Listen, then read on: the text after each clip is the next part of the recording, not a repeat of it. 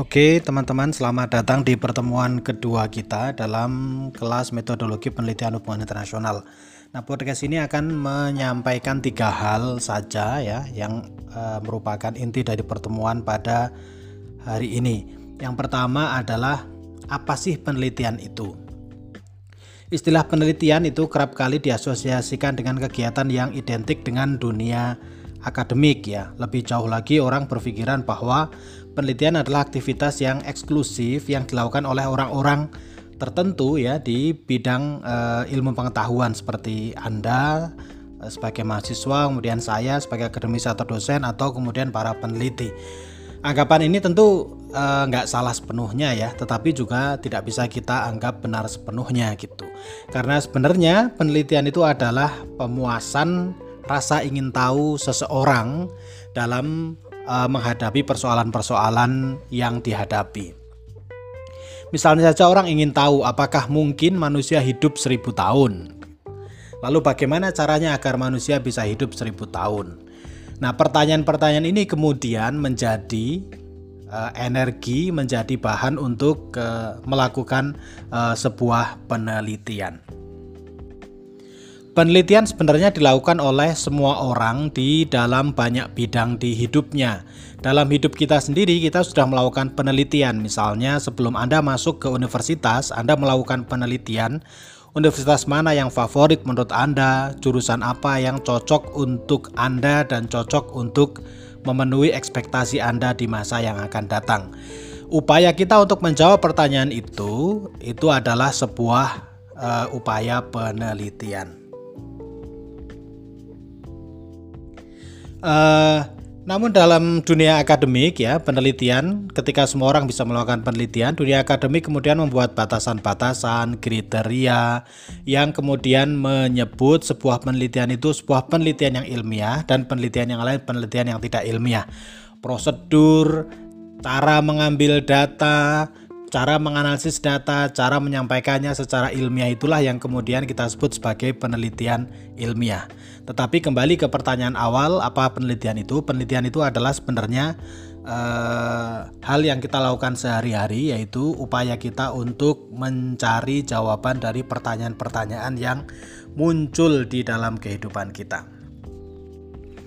Jadi perlu diingat teman-teman ya bahwa pertanyaan penelitian itu adalah pertanyaan yang sangat penting atau itu adalah sebagai sumber utama kita ketika melakukan penelitian. Jadi ketika teman-teman tidak punya pertanyaan ya, saya kira kita sulit untuk melakukan penelitian. Pertanyaan itulah yang menjadi sumber dari penelitian. Nah, ada sebuah uh, riset yang dilakukan di Amerika Serikat ya yang diberikan kepada uh, anak TK dan anak uh, uh, mahasiswa. Nah, seorang anak TK ya, ketika dia diberi sebuah benda, dia punya kira-kira 250 pertanyaan. Kemudian seorang mahasiswa ketika dia diberi sebuah benda, dia punya pertanyaan kira-kira 15 pertanyaan. Jadi ketika disodori misalnya bola ya, maka anak TK dia akan punya pertanyaan yang jauh lebih banyak daripada anak uh, kuliah ya. Hal kedua yang kita bahas adalah mengenai apa sih penelitian hubungan internasional?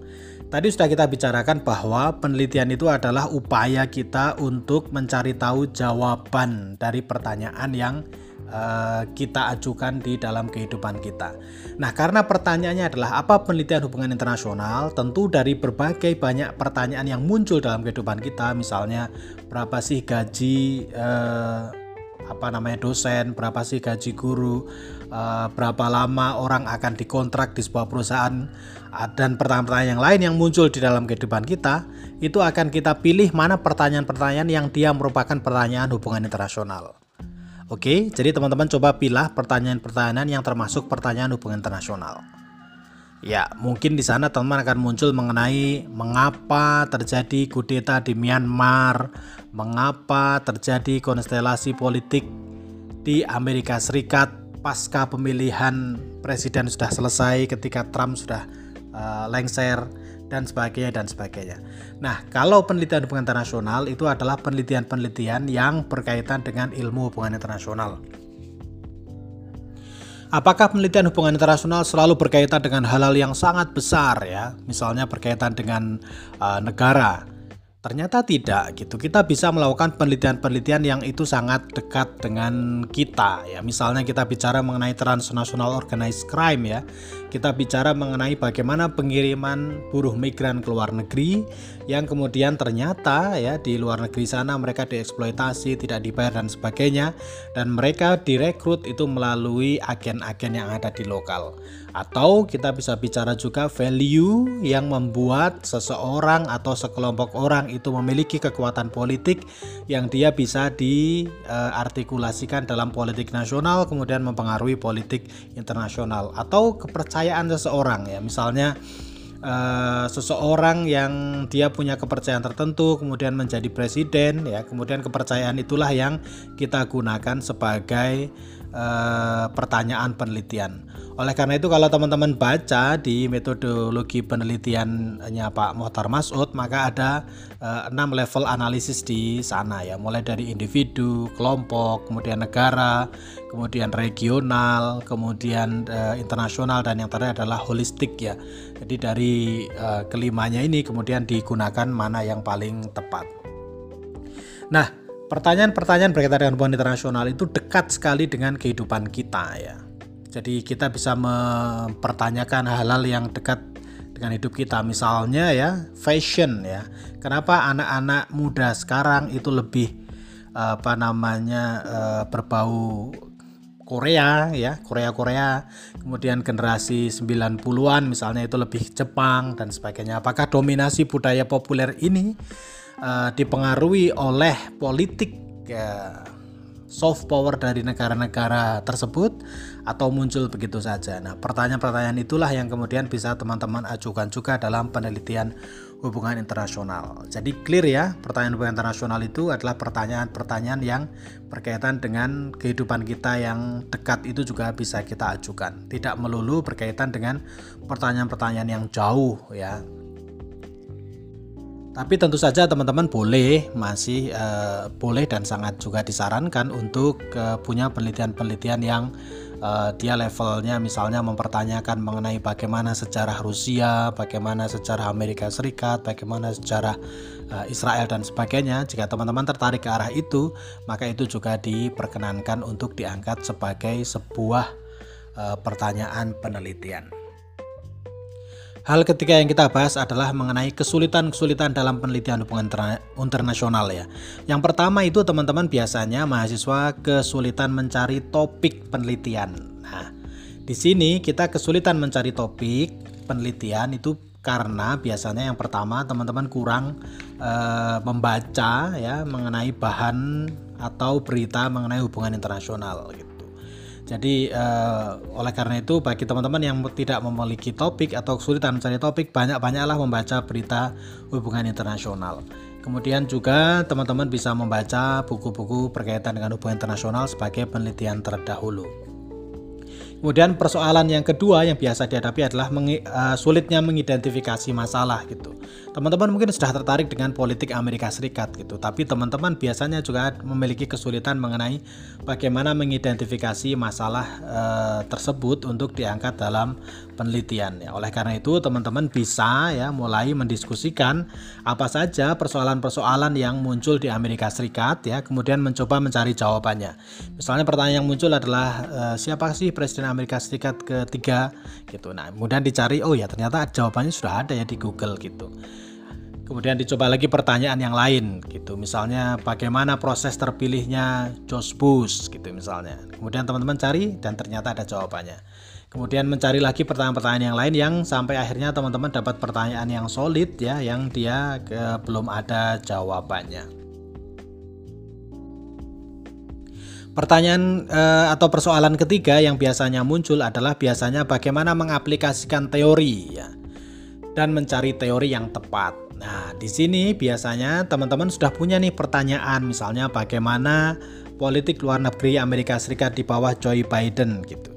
Sudah punya pertanyaan ini dan solid, belum ada yang melakukan penelitian berkaitan dengan ini. Tapi teori apa yang digunakan ya? bagaimana menggunakan teori tersebut teman-teman mungkin mengalami kesulitan. Nah, di sini kita punya solusi yaitu teman-teman coba membaca penelitian-penelitian yang pernah dilakukan sebelumnya. Misalnya penelitian berkaitan dengan bagaimana politik luar negeri Trump terhadap Asia Tenggara atau terhadap Eropa. Kemudian teman-teman baca di sana teori apa yang digunakan. Nah, kemudian coba diaplikasikan teori tersebut dalam pertanyaan penelitian yang sudah teman-teman susun. Kemudian coba diskusikan itu dengan dosen pembimbing. Kesulitan selanjutnya adalah biasanya teman-teman eh, kesulitan dalam memilih metode penelitian ya. Metode penelitian dalam hubungan hubungan internasional itu kita bisa menggunakan metode kualitatif, kuantitatif atau mixed method apakah kegunaan penelitian kualitatif, kuantitatif, dan mix method, teman-teman bisa mendiskusikan itu dengan dosen pembimbing ya.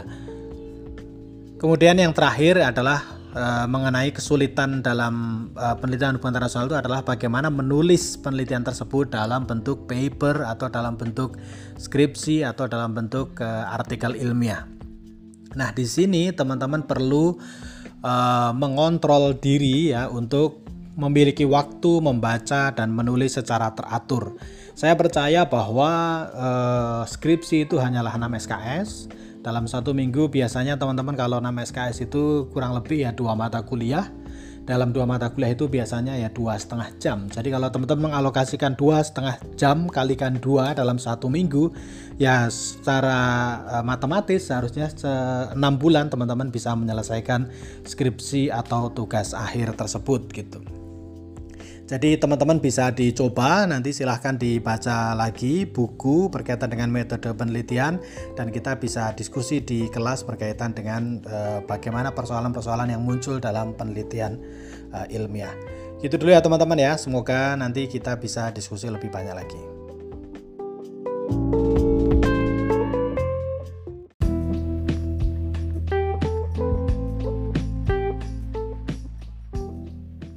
Oke, selamat datang di kelas kita pada hari ini yaitu kelas uh, politik lingkungan ya.